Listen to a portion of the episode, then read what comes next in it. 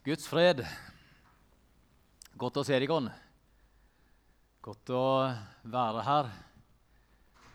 Og godt å kjenne at vi er sammen på gudstjeneste. Det er flott.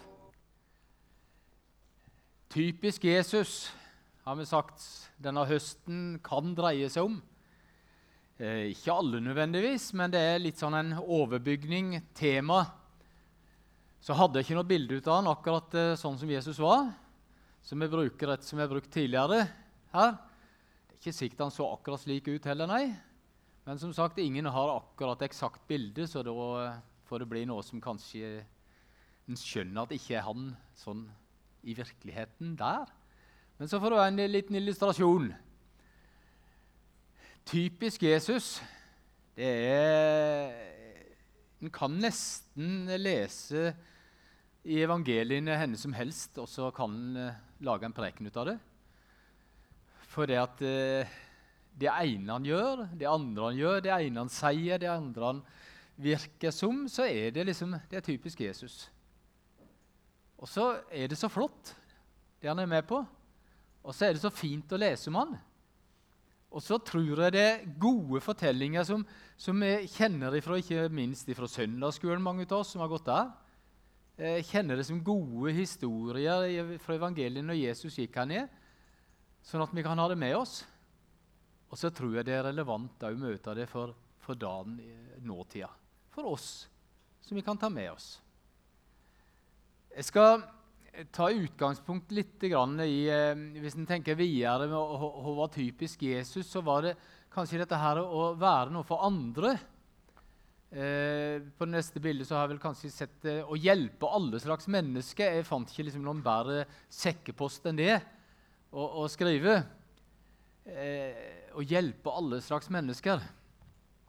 Eh, så blir prekena i dag en kombinasjon av å hente fram en bibeltekst og òg en kombinasjon av å ta fram litt grann, eh, ting jeg har opplevd det siste veka når jeg har vært en tur i Moldova.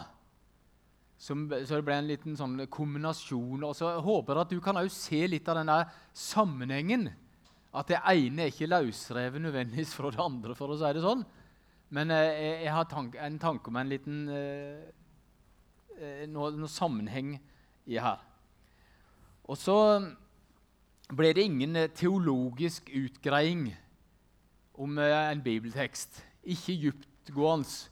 Kanskje noen vil si at det var veldig platt, det var veldig lite, men bibelteksten kan tale for seg sjøl òg.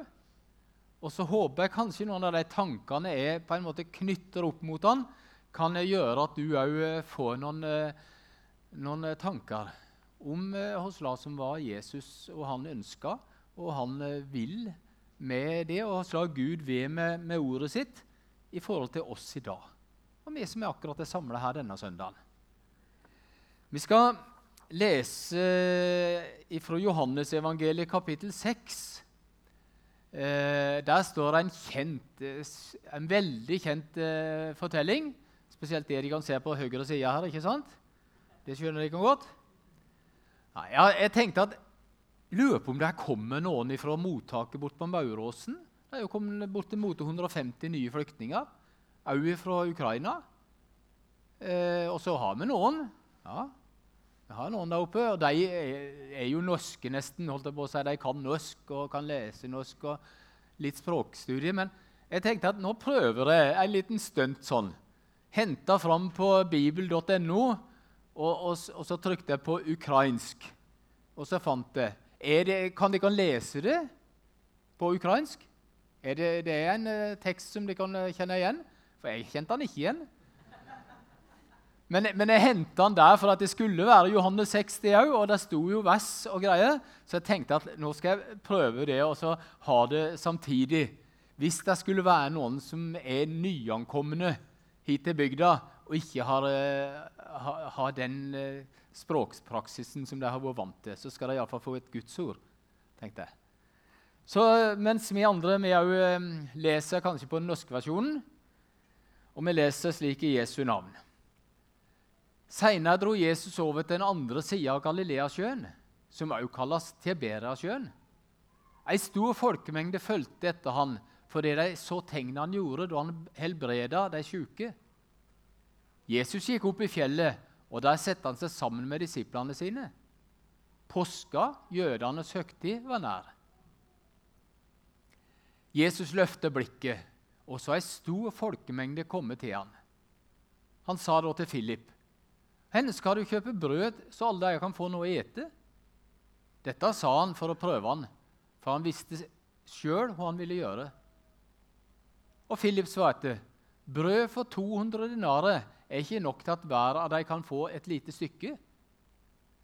En annen av disiplene, Andreas, bror til Simon Peter, sa da til han, 'Det er et barn her. Han har fem byggbrød og to fisker.' 'Men nå er det til så mange?' Da sa Jesus, 'La folka sette seg ned.' Det var mye gras på staden, og de satte seg ned. Ja, det var omkring 5000 menn. Da tok Jesus brøda, ba takkebønner og delte ut til de som satt der. På samme måte delte han ut fiskene, så mye de ville ha. Da de var blitt mette, så sa han til disiplene.: Samle sammen stykkene som nå er til overs, slik at det ikke er noe til spilles. De gjorde det, og etter måltidet fulgte det tolv korver med stykker som var blitt igjen av de fem byggbrødene. Kjære Jesus, vi ber om at ditt ord må virke. Ditt ord må også tale til oss i dag. Denne kjente, kjære fortellinga som mange av oss husker fra søndagsskolen.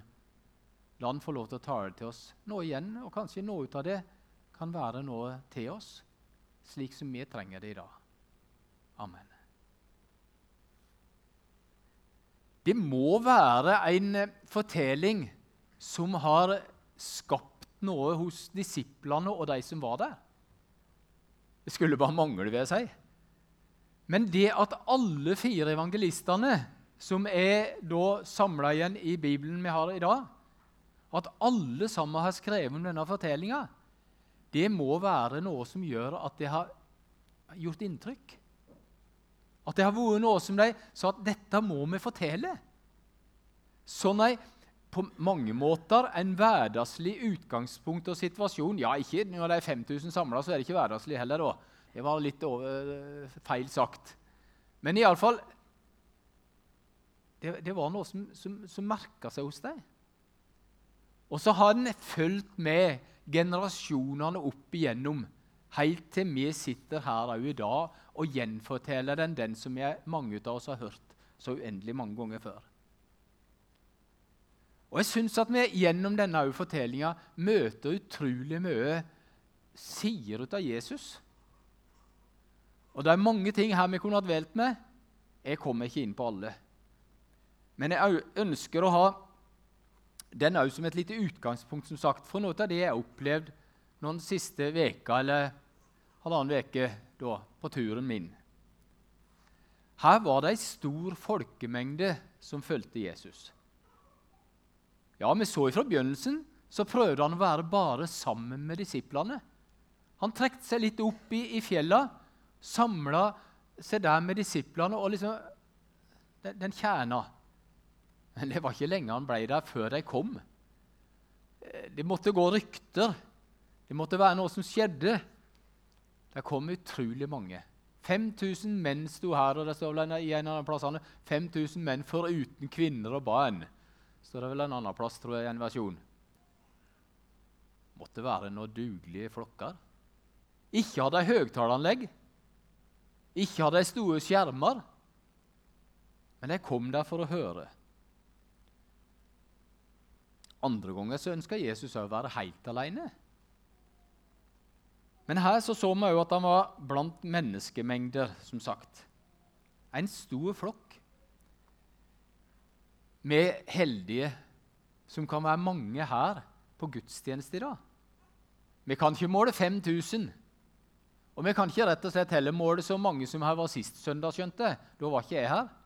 Da hadde det vært 190 stykker på gudstjenesten sist søndag. Jeg vet ikke hvor mange vi kunne være i dag før ungene reiste. Kanskje 120-30-40? Jeg vet ikke. Det er mange. Jeg er bygd med 2000 mennesker. Eh, fantastisk. Og noen av oss tenker som så at ja, her kommer vi, for her treffer vi andre. Og det gjør vi òg. Her kommer vi for her, her, vi, her følger vi ungene til søndagsskolen, og det er flott for dem. Fantastisk å komme med sånne utgangspunkt òg. Og så er kanskje noen òg kommet for at de vil, vil, høre evangeliet. Eller bare at du gjør det av vane. Det er så mange motiver. Men det kan, jeg tror at Opp og hei, hva var det for noe her? What's going on? Vet du, Espen? Nei?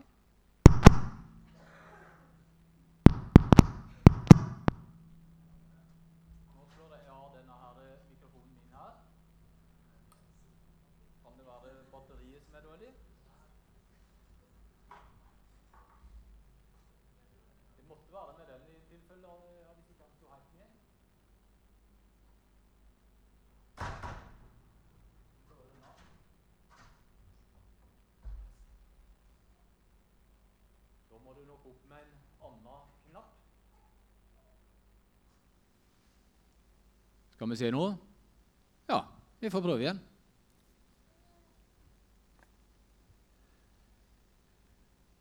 Da, da prøver jeg. Så får vi se om det var den. Men uansett Jeg, jeg så, prøvde å se litt sammenhengen. I vår målestokk så er vi ganske mange mennesker her. I forhold til det du er daglig, i forhold til de du er sammen med daglig, så er vi en ganske stor flokk her. Og de kan, Jeg har lyst til å si det. Jesus bryr seg om at vi kommer sammen. Jeg syns det er fantastisk fint å vite at Jesus han kan tale til enkeltmennesker. Og det er det han først og fremst gjør. Han kan tale til mennesker i enerom, og det gjør han med mange. Han kan tale til mennesker, for der står jo det vi er så glad i det ordet ikke sant, når vi er litt få på et møte. Der to eller tre er samla i mitt navn, der er jeg midt iblant deg. Og det er han. Han er der i den lille flokken, enten du er i gruppa, eller du er i heimen, eller du er sammen med et annet menneske. Så er han der. Men så syns jeg denne fortellingen viser at Jesus han ser mulighetene han har når det kommer mange sammen. Når det er en flokk sammen, så fikk han lov til å tale, han fikk lov til å forkynne, han fikk lov til å preke, for å si det sånn.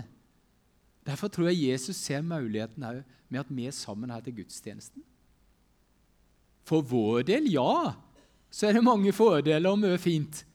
Men òg Jesus ser det at her har han, ikke bare gjennom det jeg sier, akkurat som har prekena, men gjennom det som er her, så kan han være med og tale til oss i det store fellesskap som vi får lov til å være. Det syns jeg er fint. Og Det var en tanke som jeg slo meg som ikke jeg i grunnen har tenkt på før. Og så ser han behova. Og Det er en annen side med denne fortellinga her. Jesus han, han, var, han, ble sikkert inspirert. Og Det er sånn vi av og til, vi som står her oppe, kan bli. Når vi liksom er i gang av og til. ikke sant? Så preker vi og så preker vi, og så ble vi altfor lenge. Ja, det var noen som mente det. Ikke sant? Det er sånn det er. Og så ser vi ikke grunnen deres behov kanskje heller. For å, nå må vi ha en brekk. Nå må vi stoppe litt. Jeg tror ikke sammenligne dette helt. da. Men jeg synes det er så fint å se det av Jesus at han hadde muligheten til å stå og preke og til å forkynne og til å vitne. Og så stopper han opp egentlig, og så ser han det. Her er det jo folk som begynner å bli sultne. De kan ikke gå hele dagen uten å ha mat. De må jo få noe å ete. Det er en fin tanke hos Jesus. Han er så praktisk på en måte òg. Han er så jordnær, og han er så midt inni de enkelte folks liv. Og Det syns jeg er så flott med denne fortellinga. Jeg ble minnet på igjen. Han bryr seg om helt sånn, om skal si, alminnelige og hverdagslige behov. Derfor så gjør det ingenting om du retter din bønn til Jesus om ting som du kjenner spesielt på for din del ut av i andre mennesker kanskje òg uvesentlige ting. Eller det er ting som du kjenner på er spesielt for deg. Det kan være økonomien. Det kan være tida di. Det kan være å ha nok mat. Det er mennesker i, i Norge og i, kanskje òg i Vegårsa i dag som kjenner på det. Og så bryr Jesus seg. Og så ser han òg inn i slike ting. Jeg har mange ganger tenkt på det. Hvorfor kunne ikke Jesus bare knipsa? Han hadde jo makt til det. Tenk om han kunne ha gjort sånn som det står om i Gamle testamentet, at det, det, det, står, det regna manna, eller det kom ned fra himmelen og, og la seg på jorda de fikk ete. Hvorfor kunne ikke Jesus ha gjort det her? Han har jo gjort under tidligere. Han kunne bare ha knipsa, egentlig, og så hadde det vært løst. Sånn kanskje har vi en tanke om av og til for Jesus. Jesus, hvorfor knipser du ikke så det løses? Jesus, hvorfor griper du ikke inn med en gang, sånn at det kan skje en endring? Og sier jeg vet ikke. Men denne fortellinga sier at her, her, bruker Jesus ikke den der kjappe metoden. Han bruker disiplene litt. Og så snakker han med, med Philip. Og så sa han til Philip og henne skal vi kjøpe brød? Jesus for et dumt spørsmål. Jeg vet ikke om jeg kan si det om Jesus. Sånn jeg kjenner at det, det, er kanskje ikke lov til å si om Jesus at Jesus hadde et dumt spørsmål. For det er jo ikke dumt. Men, men jeg tenker som så spør, Hvorfor spør du Philip om det? Og henne er det brød? Og så En annen av disiplene sto der, Andreas, bror til Simon, han sa da ja, Hva var det han sa? Ja, Han hadde sett en gutt han, som hadde fem små brød og to fisker. Og så får Jesus på en måte en, en bevegelse hos de disiplene som var rundt han. Og så får han dem til å tenke etter litt. Og så får han dem til å om skal bruke uttrykket, være med på laget i dette som nå skal skje. Jesus gjør seg litt bruk av menneskene til at underet òg kan skje.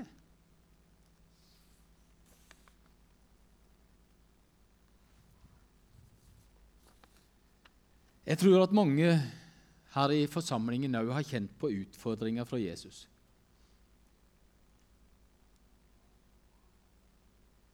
Hvordan skal vi takle dette? Hvordan skal vi gjøre med denne situasjonen? Disiplene kjente seg jo kanskje sultne etter hvert. Men Jesus, da? Du, du, har jo sagt du kan hjelpe med alle ting. Du har jo sagt at du er, du, du er der for oss. Jeg tenker det kom spørsmål hos disiplene òg. Det har jeg lyst til å si for at du er ikke aleine av og til om å rett og slett undre deg over Jesus. Du er ikke alene om å undre deg over hvorfor ikke han griper inn og gjør noe mirakler med en gang. Disiplene var det òg. Så hadde heldigvis Andreas sitt Andreas som vi hører veldig lite om ellers. En for så vidt en, en litt beskjeden, kan det virke som. En litt sånn anonym disippel. En kunne tenke at Peter hadde vært der med en gang. Eller Thomas som tviler? Ja, Andreas. Så hadde han sett at det var en gutt med ei lita nistepakke.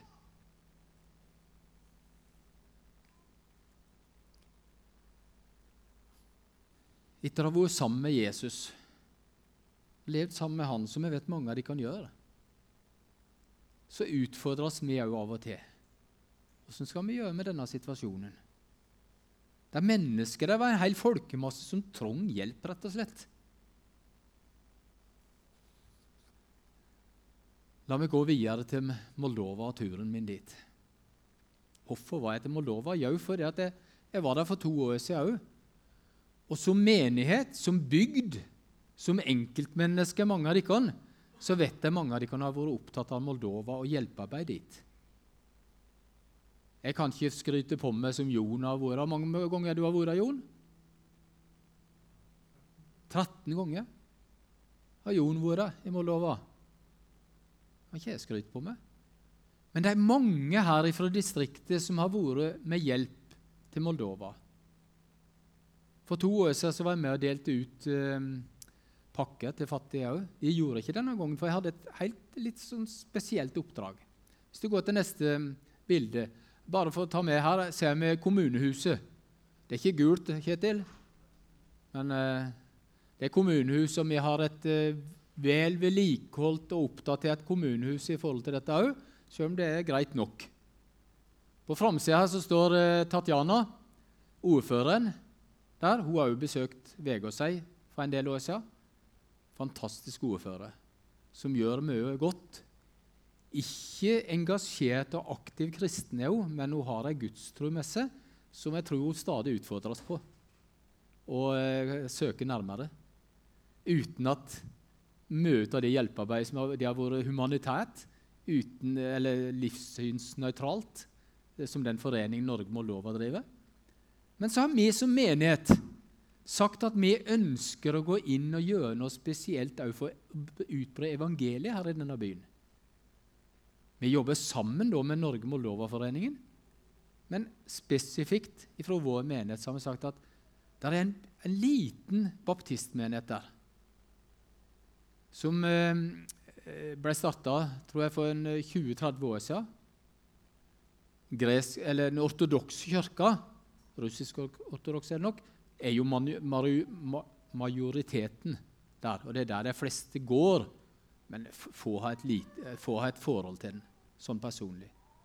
Men så er det denne lille menigheten som vi har fått litt kontakt med, og som vi ønsker å ha noen relasjon til. Hvis du går til neste bilde, så Ja, litt tilbake, forresten. Jeg skal ta den etterpå hvis det er greit. Ja, Der kan vi se den. Der er kirkebygningen. Og eh, som vi ser her, så er det veldig dårlig tak. Eller de kan, de kan ikke se, kanskje. Vi kan se at det er litt shabby. Det var, har vært et sykehus før, det har vært en skole før, men eh, ca. år 2000 eller rundt der, så ble den kjøpt av en menighet, eller kjøpt av en eh, modermenighet i større by og, og gitt her til lokalmenighet.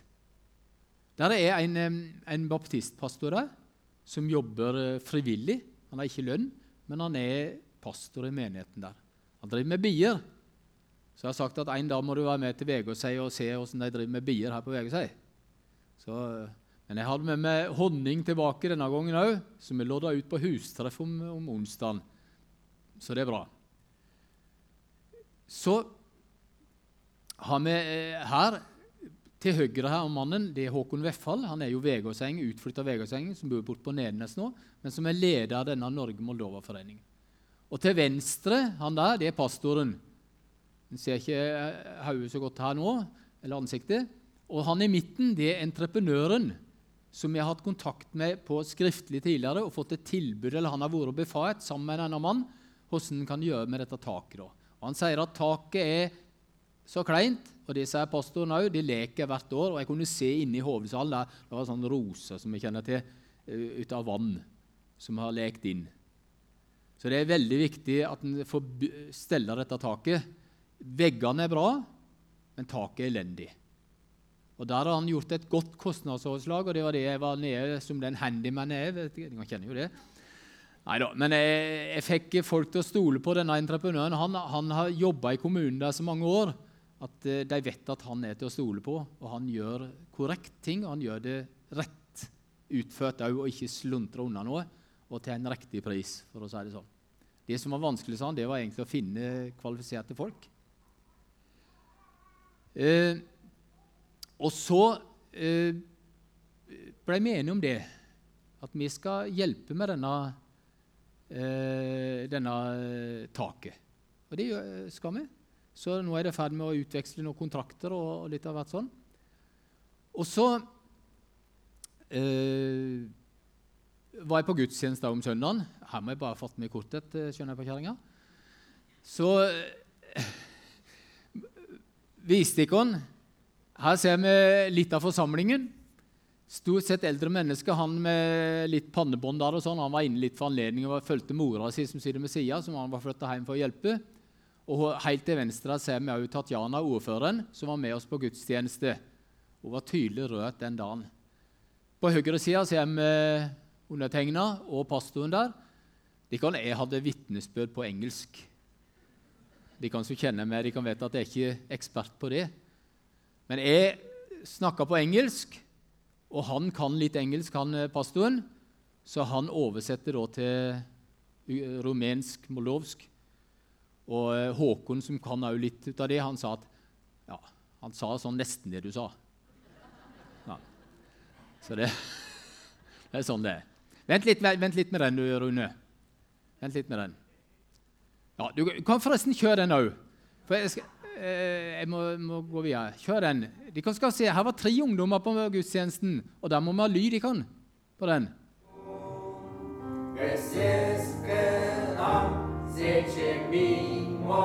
Kan kjenne den igjen, sangen. Nordnetigeren.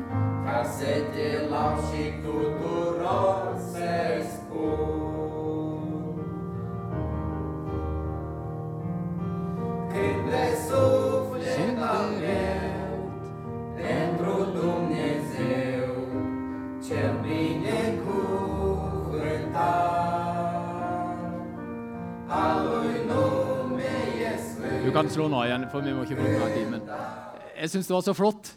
Der er noen ungdommer, men som han sa, han Valeri, han eh, pastoren, at de reiser jo ut. Ja, det, det kjenner jeg til seg. Hvordan de reiser ut fra bygda når de skal studere og greier. Men jeg syns det var flott at jeg var med der. Lita, tilbake til de tre jentene som du hadde Rune, på et bilde. Jeg må, jeg må bare fortelle. for var, Det er Tatjana til venstre, hun ordføreren. Vi, Håkon har leilighet i samme bygget som hun, og vi var nede der på en kveldsmat. Og mens vi satt der med kjøkkenbordet og åt kveldsmat, så kommer de og banker på døra, eller ringer på døra, og inn kommer de to eh, jentene her. Det var tydeligvis en stund siden de hadde snakka sammen. Ser hun Tatjana, så lurte på hvem var det egentlig med en gang. Så er det altså to jenter som hun etter hvert forteller, og, og blir fortalt, at de var i en familie der som med, eller Norge-Moldova-foreningen, har gjeldt gjennom mange år. Veldig, veldig fattige. Utrolig fattige. En mann som var ikke bra med kjerringa der. Slo og var voldelig. Og ungene måtte flykte rett som det var, og vekk. Nå var mannen òg død for et par år siden, riktignok, dessverre og mora hadde kommet seg litt videre. Men disse jentene, pga. den hjelpa de hadde fått gjennom Norge-Moldova-foreningen, gjennom nødhjelp fra Vegårshei og områdene omkring her så hun Til høyre hun var ennå tror jeg, ungdomsskolealder, mens hun midt i hun var begynt på sykepleierutdanning og fikk seg sykepleierutdanning. Og rett og slett fått brøte denne sirkelen av fattigdom, av nød og, og, og vondhet. De var et levende eksempel som vi møtte den kvelden, på noen som hadde kommet seg videre, fått hjelp. For det var òg noen mennesker her i Norge som hadde brukt midler, som hadde brukt tid, og som jeg kan si hadde bedt for dem. Fantastisk. Nå må jeg komme med videre. Typisk Jesus. Ja, Hvordan kan jeg sette dette inn, da? Jeg, jeg, jeg skal preke litt om Moldova seinere i andre sammenhenger. litt innimellom. Men det er, jeg syns jeg ser en sammenheng her Ikon. mellom denne fortellinga der Jesus hjelper 5000 mannfolk og deres familie med mat, og det som vi òg kan være med på. Gjennom det arbeidet du og vi kan være med og støtte. Noen av dere ha prosjektene deres, som blir som deres hjertebarn. Og det tror jeg kan si at som menighet så har vi gitt noen mennesker òg her en mulighet eh, til å få et bedre liv. Vi har et misjonsnettverk i menigheten som prøver å kanalisere midler der det trengs. Og så er det å finne denne balansen for å si det sånn, mellom det å gi hjelp, nødhjelp, menneskelig hjelp rent fysisk, og det å forkynne evangeliet. Og jeg synes Denne fortellinga som Jesus her har fra denne dagen der ute der han samler så mange, viser nettopp dette her at det, det er ikke noen motsetning. Det er ikke bare det ene eller det andre. Og Det syns jeg er fantastisk at vi kan være med på også som menighet. Hjelpe alle slags mennesker med alle ting. Med mat, med et verdig liv. Enten det er i Moldova, eller det er i Colombia, eller Rwanda eller Kina eller andre plasser vi har et arbeid som vi spesielt støtter. Eller det er her på Vegårshei. Hva kan vi gjøre nå i forhold til, til de som er kommet nye, som er innom på mottaket på Mauråsen? Er det noe vi som menighet kan gjøre? Vi må være åpne. Vi må se. Og så gjør det offentlige noe, ja. Kommunen, hjelp, eh, mottakssentralen. Kanskje vi som menighet skal være mer opptatt av kan vi gjøre det? Og så kan vi òg samtidig ha denne tanken bak, som jeg tror Jesus hadde. Får jeg bare mat, fysisk ble mette, så tar de òg imot evangeliet. Og jeg tror at det er en del forutsetninger som kan hjelpe til òg at vi kan få gitt evangeliet, som er det beste, og som er det viktigste, og som ikke bare varer for dette livet, men som varer for en evighet.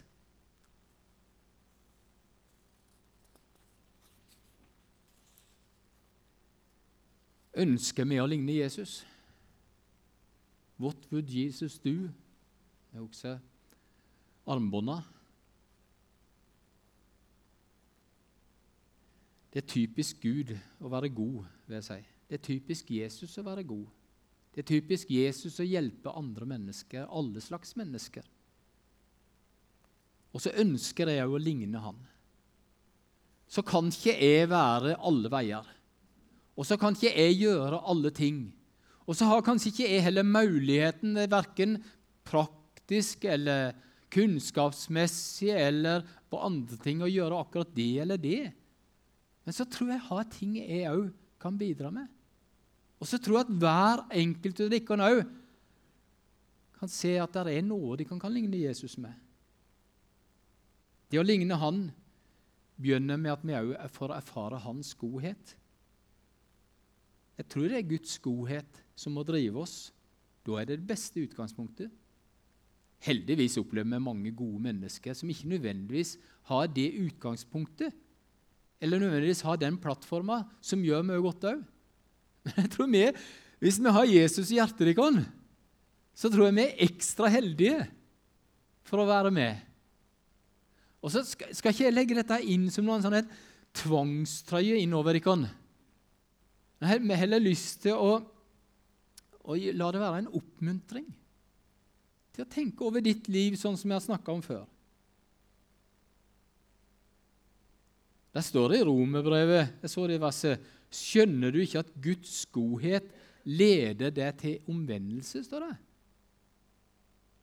Jeg tror at med menneskers godhet og Hvis Gud er med på laget òg, for å si det sånn Hvis Gud er med oss i tanken, så tror jeg òg det kan føre til at mennesker møter Gud. Og mennesker opplever Jesus i hjertet. Og Der er den kombinasjonen som jeg håper kan bli bra i i Selemet, i denne byen i Moldova. Der vi kan ha det hånd i hånd. Vi skal hjelpe mennesker der ut av fattigdom, ut av fysisk og menneskelig nød. Men vi skal òg være med å legge til rette for med å ha funksjonelle bygg. Vi vet hvor de har betydd her, å ha et greit bygg. Ikke for at alt skjer her, men det er en del av den tanken vi har med at Guds rike skal vokse og at vi skal bygge levende menigheter der mennesker får møte Jesus. For Gud han vil at alle mennesker skal bli frelst, han, og lære sannheten å kjenne. Og så kan vi få lov til å være med på vår måte og i vår sammenheng, og sånn som vi kjenner at vi kan bidra. For noen kanskje i forhold til andre i sin husstand. For andre i forhold til noen naboer. For andre igjen andre familiemedlemmer. andre. Noen med praktiske gjøremål, noen med ord, andre igjen med gaver eller de midlene vi måtte ha av forskjellige ting. Derfor er jo spørsmålet der i grunnen som jeg har avslutta deg med blir du med? Jeg håper du har Jesus med deg i hjertet og ser åssen han i den fortellinga fra da han metta 5000, gjør noe rent praktisk, er med på den rent menneskelige delen, men òg har en tanke at han forkynner evangeliet og bringer evangeliet til frelse. Kjære Jesus, det ber vi om. Vi ber om at du må hjelpe oss til at ikke dette blir noe tvang, at ikke dette blir lovisk, men at vi gjør det av glede og av takknemlighet for det at vi har møtt deg, og for at du har gitt oss så mange gode gaver, for at du er så god mot oss. Mange av oss som bor her på Vegårshei, vi har så uendelig mye godt. Ja, vi skulle gjerne hatt mer av forskjellige ting, men vi har allikevel så dugelig mye her i våre områder, her i våre distrikter, her i Norge. Hjelp oss, Jesus, til å være rause, til å dele, og aller mest dele evangeliet, slik at mennesker kan ta imot det beste og det mest viktige av alt. Velsign oss, du, Jesus. Og Nå ber vi også spesielt for menigheten i Selemet, baptistmenigheten der. Ber for Valerie, pastoren. Jesus, du ser at han, han er ivrig. Han ønsker å tjene det.